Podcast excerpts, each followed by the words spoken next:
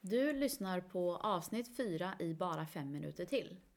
Idag ska jag snacka om gentrifiering och jag kommer att använda förkortningen BIPOC som står för Black Indigenous People of Color.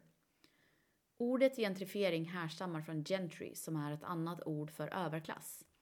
Enligt Wikipedia är gentrifiering processen för att förändra karaktär i ett grannskap genom tillströmning av mer välbärgade invånare och företag. Det är tre saker som sker när ett område gentrifieras. Det första är att de med lägre inkomst blir tvungna att flytta. Det andra är det fysiska, det vill säga utseende av hus och andra områden förändras. Och sist men inte minst så sker det en kulturell förändring i området. Syftet med gentrifiering är alltså att ersätta befintliga invånare från arbetarklass till medelklassinvånare. Genom upprustning, förnyelse och modernisering så attraherar man andra inkomsttagare. Och allt nytt som byggs ökar boendekostnader, vilket gör att det blir enklare att skifta ut invånarna. Det blir enklare att ersätta arbetarklassen, som vanligtvis har lägre inkomst än medelklass. Och man har helt enkelt inte råd att bo kvar. De som har råd, det blir ju medelklassen. Och konsekvensen av detta kapitalistiska sätt att se på ett grannskap, det blir en slags ekonomisk segregation. I en rapport från USA skrivs det att gentrifiering är the transformation of neighborhoods from low value to high value. This change has the potential to cause displacement of long-time residents and businesses. Displacement betyder alltså en slags omplacering och när ett områdes invånare blir omplacerade och tvingade till att flytta så ändras också områdets kultur och karaktär. Om ett gäng familjer har bott grannar under många år så innebär en sån omplacering att den kultur och det sociala kapital som har byggts upp mellan dem, ja den kommer ju försvinna. Därmed påverkar alltså en omplacering i olika perspektiv. Där det ena är att eh, området i sig har inte samma karaktär längre på grund av ändrat utseende och ändrat innehåll. Men det sätter också spår i de som har bott i området. För att en påtvingad omplacering och eventuell splittring kan innebära en förändring i deras sociala kapital.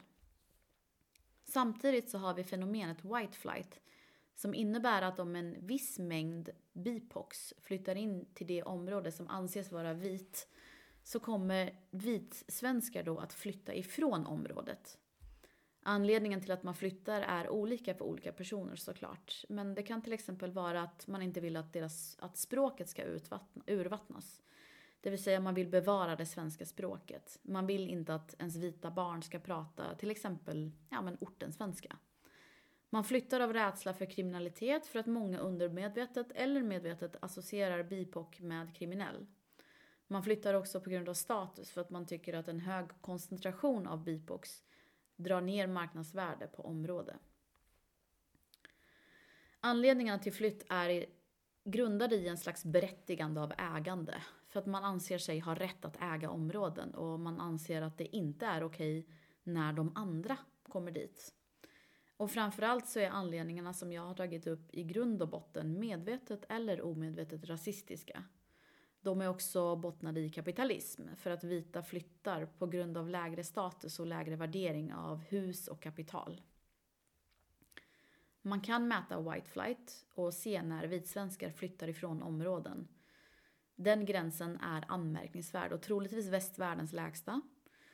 Och den gränsen ligger nämligen på 3 till 4 procent. Det vill säga eh, i Sverige om ett bostadsområde har en andel på 3-4 procent bipoxsvenskar så kommer vitsvenskar eh, att flytta därifrån. Eller kanske helt enkelt undvika att flytta dit i första hand.